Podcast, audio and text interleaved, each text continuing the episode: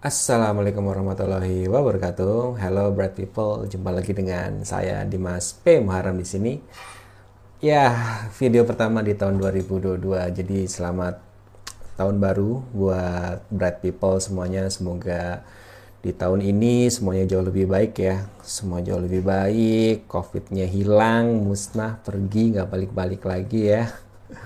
Terus juga pekerjaan lancar semuanya, rezeki juga lancar. Terus buat yang belum dapat jodoh, semoga dapat jodoh tahun ini ya.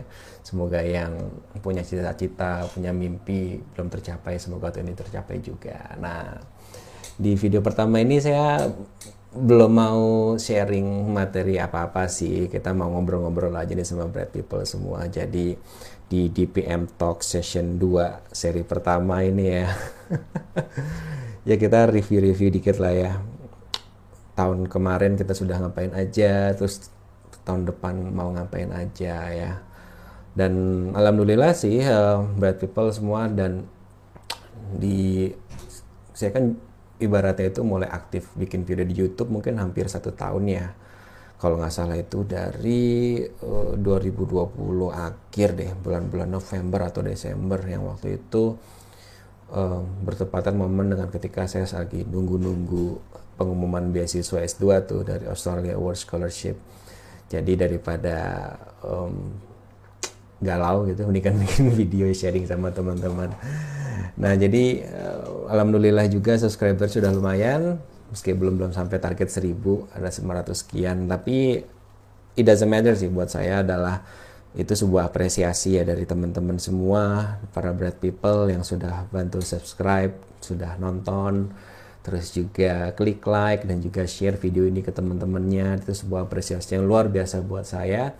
Dan semoga saja apa yang saya share di sini ya bisa bermanfaat um, bisa memberikan inspirasi atau mungkin bisa diskusi ya dan bisa memicu banyak uh, topik-topik uh, uh, bahasan berikutnya gitu. Dan saya appreciate appreciate banget. Makasih buat semua yang sudah subscribe yang sudah bantu tadi itu. Tapi kalau buat yang belum hmm, cukup tahu aja sih. Enggak lah ya.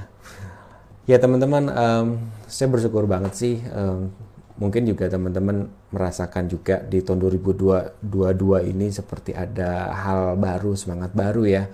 Bahwa khususnya dari terkait dengan soal covid yang dua tahun ini kita tuh dirundung di betul-betul apa ya terdisrupsi lah ya semua kehidupan kita itu di berbagai lini. Tapi kira-kira di awal tahun ini ada titik cerah nih gitu ya meskipun ada isu omikron dan lain-lain itu tapi sepertinya ada yang bilang bahwa memang lebih apa uh, contagious gitu ya lebih cepat menular. Cuman katanya sih efeknya tidak seburuk seperti delta. Ya mudah-mudahan seperti itu dan mudah-mudahan itu um, ini ya apa kayak semacam step degregatif gitu ya apa menurun gitu ya dan uh, ibaratnya apa menurun dan lama-lama hilang itu mudah-mudahan. Nah, tapi tetap kita harus uh, pertahankan prokes apa yang hal positifnya sih hal positif yang ada ketika pandemi kemarin ya kita paling nggak lebih aware dengan kesehatan ya kan pakai masker tuh baik kok ya Lengkasa itu baik ketika berkendara atau dalam kendaraan umum. Terus juga kita lebih sehat juga lebih aware dengan kesehatan. Kayak dulu misalnya sebelum ada covid kayaknya sering banget tuh di bis apa pada batuk-batuk gitu. Dan sekarang entah karena memang lebih sehat atau takut batuk takut diliatin orang gitu ya. Jadi nggak batuk-batuk.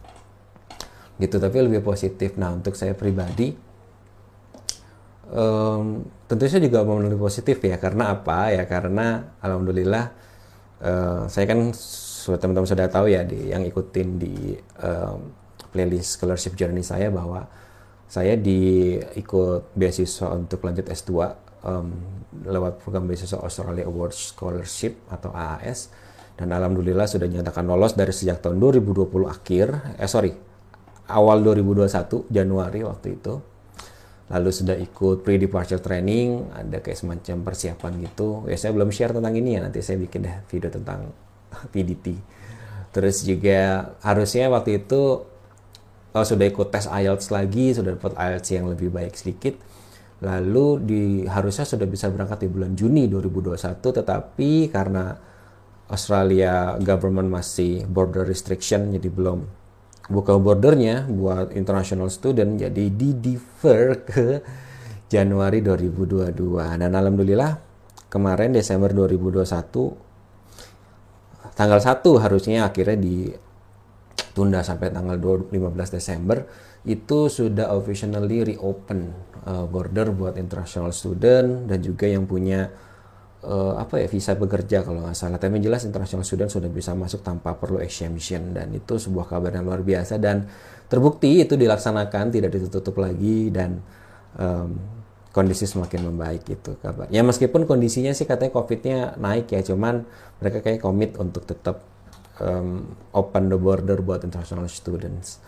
Nah terus juga alhamdulillah juga kemarin itu semenjak ada pengumuman itu dari pihak Australia World Scholarship juga sudah mulai memproses nih buat kami-kami untuk pembuatan visa, terus juga ngurus asuransinya, ya kan, terus juga ya pokoknya alhamdulillah visa student sudah keluar. Terus saya kemarin juga buat kalau buat PNS itu kan harus pakai paspor dinas ya. Nah itu paspor dinas juga sudah keluar kemarin dan semua sedang diproses tinggal nunggu tiketing dan uh, kapan jadwalnya berangkat.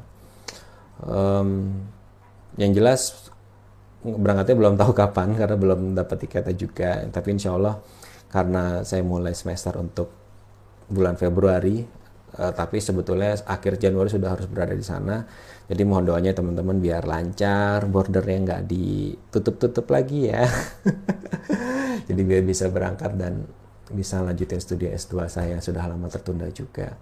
Sebetulnya sih dari pihak Australia Wars itu sempat menawarkan kalau mau defer lagi juga boleh karena kan dikhawatirkan prosesnya agak mendadak. Karena normalnya gini loh normalnya buat AAS itu biasanya kalau dari pengalaman alumni-alumni sebelumnya yang berangkat misalnya bulan Januari itu bulan November itu sudah ready semua sudah terima visa sudah terima tiket.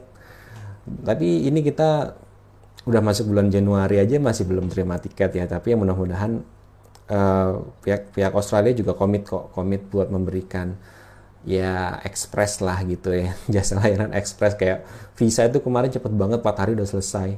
4 hari udah issued uh, karena buat buat visa student itu kita harus medical check up dulu. Jadi saya medical check up itu tanggal berapa ya? 18 Desember kalau nggak salah itu hari Sabtu. Lalu hari Kamisnya tuh udah issued uh, visa student jadi luar biasa cepet banget. Terus um, itu mudah-mudahan tutup buka ya dan bisa berangkat jadinya. Karena ya buat saya pribadi itu ya selain faktor umur ya sekarang udah 33 tahun terus juga kalau PNS itu kan ada batas usia kita dapat tugas belajar ya maksimal 35 atau 37 gitu. Ya jadi saya tetap bilang bahwa um, minta diusahakan buat berangkat di Januari atau Februari ini tetap di intake di semester 1 2022 gitu. Karena pertimbangan usia juga pertimbangan karir juga. Karena ya kalau kita itu sudah dapat beasiswa terus belum berangkat berangkat juga di kantor tuh ya bisa dikatakan kayak ada antara ada dan tiada lah ya. Bisa jadi kayak mungkin ada program-program apa itu akhirnya nggak diikutkan karena ya buat buat mengantisipasi kalau misalnya nanti tiba-tiba berangkat gitu. Tapi kalau ada kepastian gini kan kita lebih senang meskipun um, ya with every cost lah ya yang perlu dibayar uh, gitu. Bukan dibayar maksudnya apa pun resikonya itu apa pun yang harus ditempuh ya ayo gitu ya. Terus juga um, alhamdulillah juga border restrictionnya makin diperlonggar. Kayak misalnya di saya kan tadi tujuannya ke South Australia ya. Di Australia Selatan itu kemarin itu ketika buka border tinggal 15 Jan, uh, 15 Desember mereka masih menerapkan 7 hari kuarantin.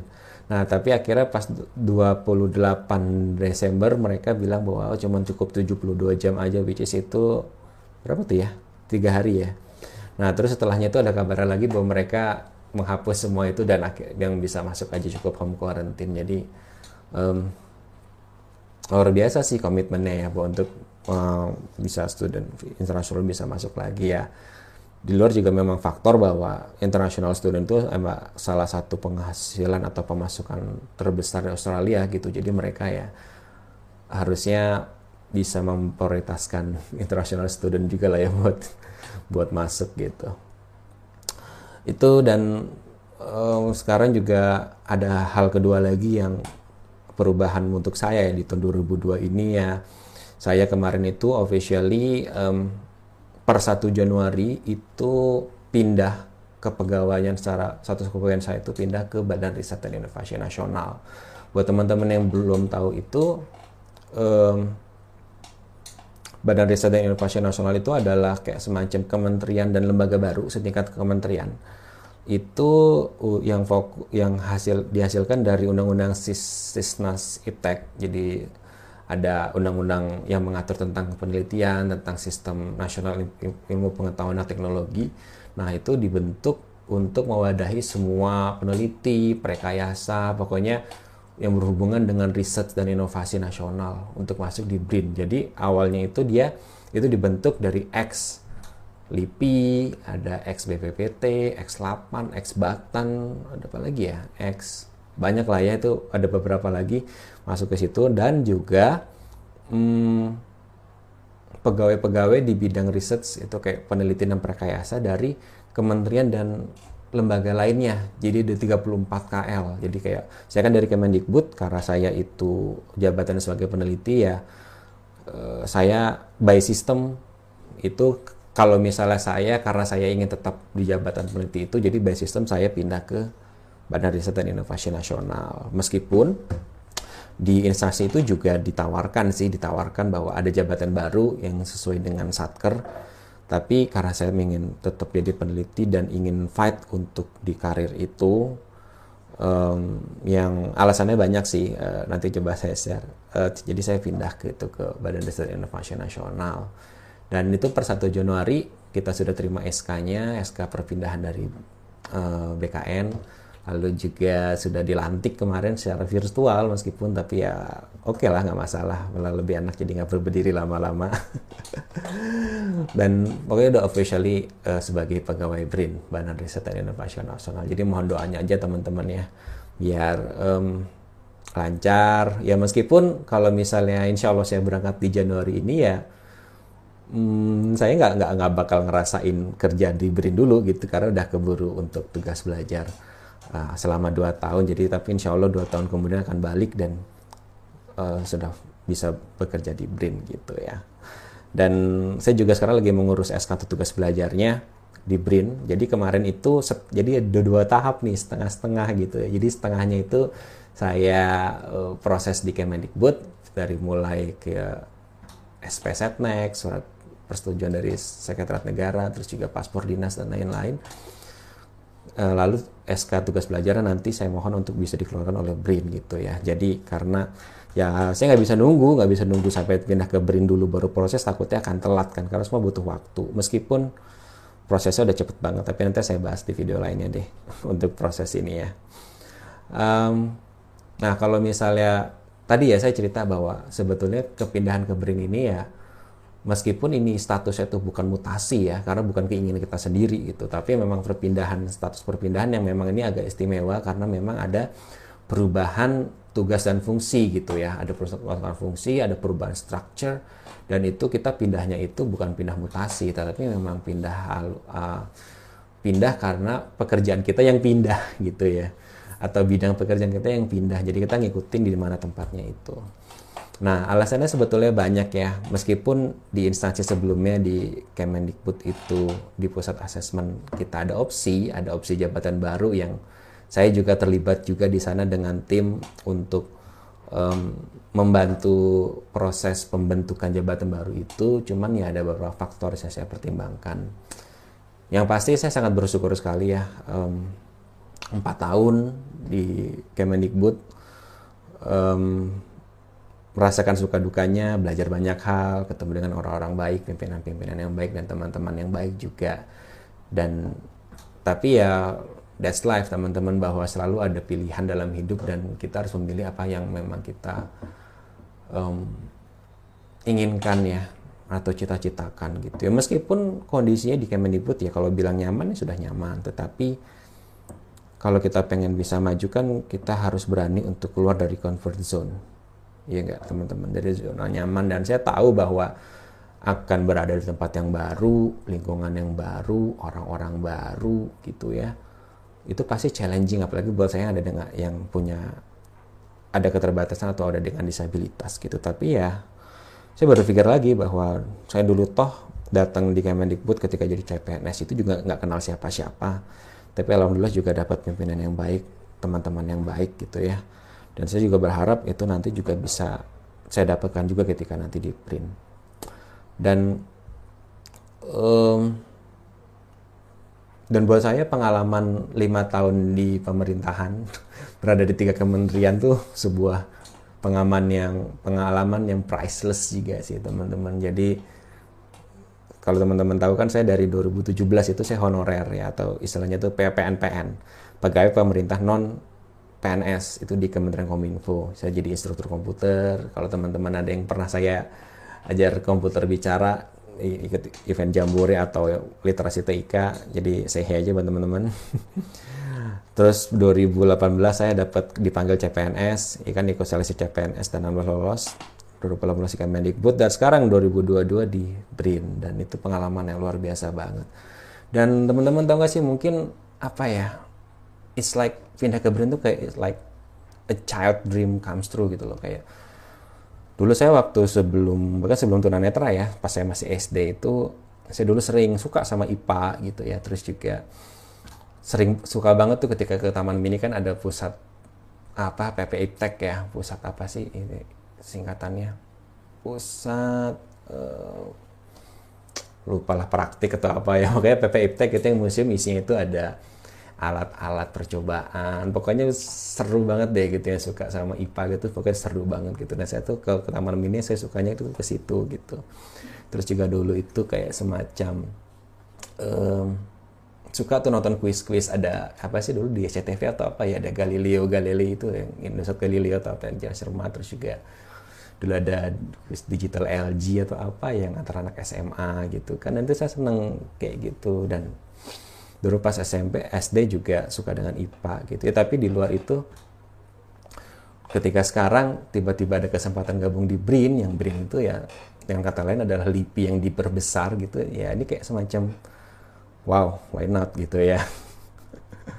Dan saya senang banget gitu ya bisa bergabung di LIPI gitu dan sorry di BRIN. Dan um, jadi sebagai karir sebagai peneliti juga bisa dilanjutkan lagi gitu ya. Dan meskipun ya situasinya saat ini ya masih peneliti-penelitian gitu ya masih belum bisa membuat karya atau artikel yang bagus terus juga karena background masih S1 gitu ya.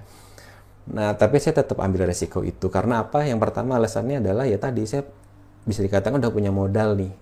Saya alhamdulillah dapat S2 kemarin gitu ya dapat support dari pimpinan dari uh, ibu kepala pusat bisa dapat S2 di Australia gitu ya. Dan juga bidangnya juga Master of Education yang specializationnya di research gitu. Jadi saya pikir bahwa saya udah punya modal sebetulnya gitu ya.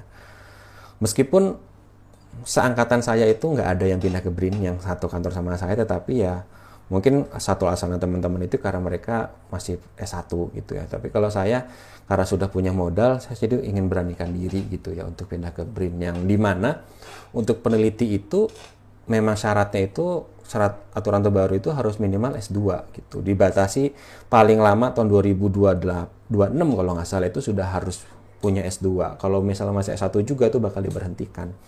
Nah, saya udah punya modal, terus juga BRIN itu juga sekarang sedang masa transisi, ya kan. Ya, saya bersyukur lah kalau misalnya benar-benar bisa berangkat di semester ini, berarti saya meninggalkan BRIN dengan BRIN sedang proses transisi gitu loh. Jadi ya nggak nggak perlu ikut riuh-riuhnya. Jadi ketika balik mudah-mudahan dua tahun sudah stabil dan sudah bisa berkontribusi secara penuh gitu ya sebagai peneliti. Atau mungkin syukur-syukur saya bisa lanjut lagi S3. Amin gitu ya, mau doanya aja ya. Mungkin kan nggak ada yang tahu gitu meski uh, siapa tahu karena saya di badan research terus juga posisi sebagai peneliti yang peneliti itu emang butuh banget sebagai uh, PhD S3 siapa tahu gitu bisa bisa disupport ya nggak nggak ada yang tahu gitu. Um, terus juga hal yang lain lagi ya ini ini sebenarnya satu hal yang personal sih. Personalnya adalah ya karena saya menganggap kalau misalnya karir sebagai peneliti itu kan adalah karir yang berdasarkan output. Outputnya apa sih? Karya teman-teman. Karya itu berupa artikel berupa pros, uh, pokoknya artikel, tulisan atau bentuk-bentuk yang lain hasil penelitian dan itu yang buat saya ingin menjadi salah satu goal saya. Kenapa? Karena ya saya sadar bahwa buat seorang penyandang disabilitas itu kita punya kekurangan tapi kita tidak bisa mengadakan kekurangan kita itu. Kita harus mencari apa yang bisa menjadi kelebihan kita. Nah, salah satunya itu yang bisa mungkin mengangkat derajat saya dan keluarga itu adalah dengan karya-karya itu gitu. Dan jujur saya saya ingin ketika nanti misalnya anak-anak saya gitu ya sudah tumbuh dewasa dan sudah tahu siapa itu ayahnya gitu ya um, saya ingin melihat mereka tuh melihat saya bukan sebagai seorang tunanetranya tetapi apa yang bisa saya hasilkan bahwa saya sebagai seorang peneliti yang karya-karya saya mungkin nanti bisa dikutip oleh banyak orang nama saya ada di buku-buku mungkin bisa jadi juga nama saya nanti ada juga di buku pelajaran yang mereka uh, baca di sekolah di sekolah mereka gitu. Dan itu yang saya ingin anak-anak saya itu nanti bangga dengan ayahnya. Um, itu yang ingin anak-anak saya itu nanti lihat dari ayahnya gitu ya bahwa ayahnya juga ternyata berkontribusi bahkan contoh misalnya ada yang ngebully anak saya atau gimana nanti ya dia tinggal gampang balikin itu buku yang kamu baca itu apa ya saya yang nulis gitu. Ya itu salah satu cita-cita saya. Dan ya jujur saya juga bukan lahir dari keluarga yang berada juga gitu ya. Orang tua saya juga pendidikannya terbatas. Tetapi kalau misalnya saya dan bukan yang bergelimang harta juga gitu ya. Jadi kalau misalnya saya bisa mengangkat derajat keluarga saya itu dengan karya-karya saya dengan prestasi itu bahwa saya akan menjadi sesuatu yang um, besar banget buat saya gitu. Dan itu sih betulnya yang betul-betul ngedrive ya. Ngedrive saya buat mau berani untuk memberanikan diri mas uh, keluar dari comfort zone itu. Selain itu juga pastinya saya juga punya misi sih. Punya misinya apa ya? Misi saya itu kan ya ingin bisa berkontribusi juga bagi masyarakat uh, khususnya penyandang komunitas penyandang disabilitas. Ketika kemarin di Puspendik at least uh, saya bisa sedikit berkontribusi memberikan masukan untuk pembuatan aplikasi tes CAT um, untuk mereka yang ikut seleksi P3K ya. Minimal di situ. Dan sebetulnya saya pengen bisa banyak hal lagi gitu tulisan-tulisan publikasi yang terkait dengan itu. Cuman waktu itu karena di Kemendikbud itu uh, tusi kepenelitian itu bukan jadi tusi utama gitu ya jadi memang agak keteteran. Nah saya berharap ketika nanti di BRIN ketika penelitian itu memang menjadi tusi utama ya saya berharap banget memang bisa perform di situ bisa perform dan bisa memberikan yang terbaik.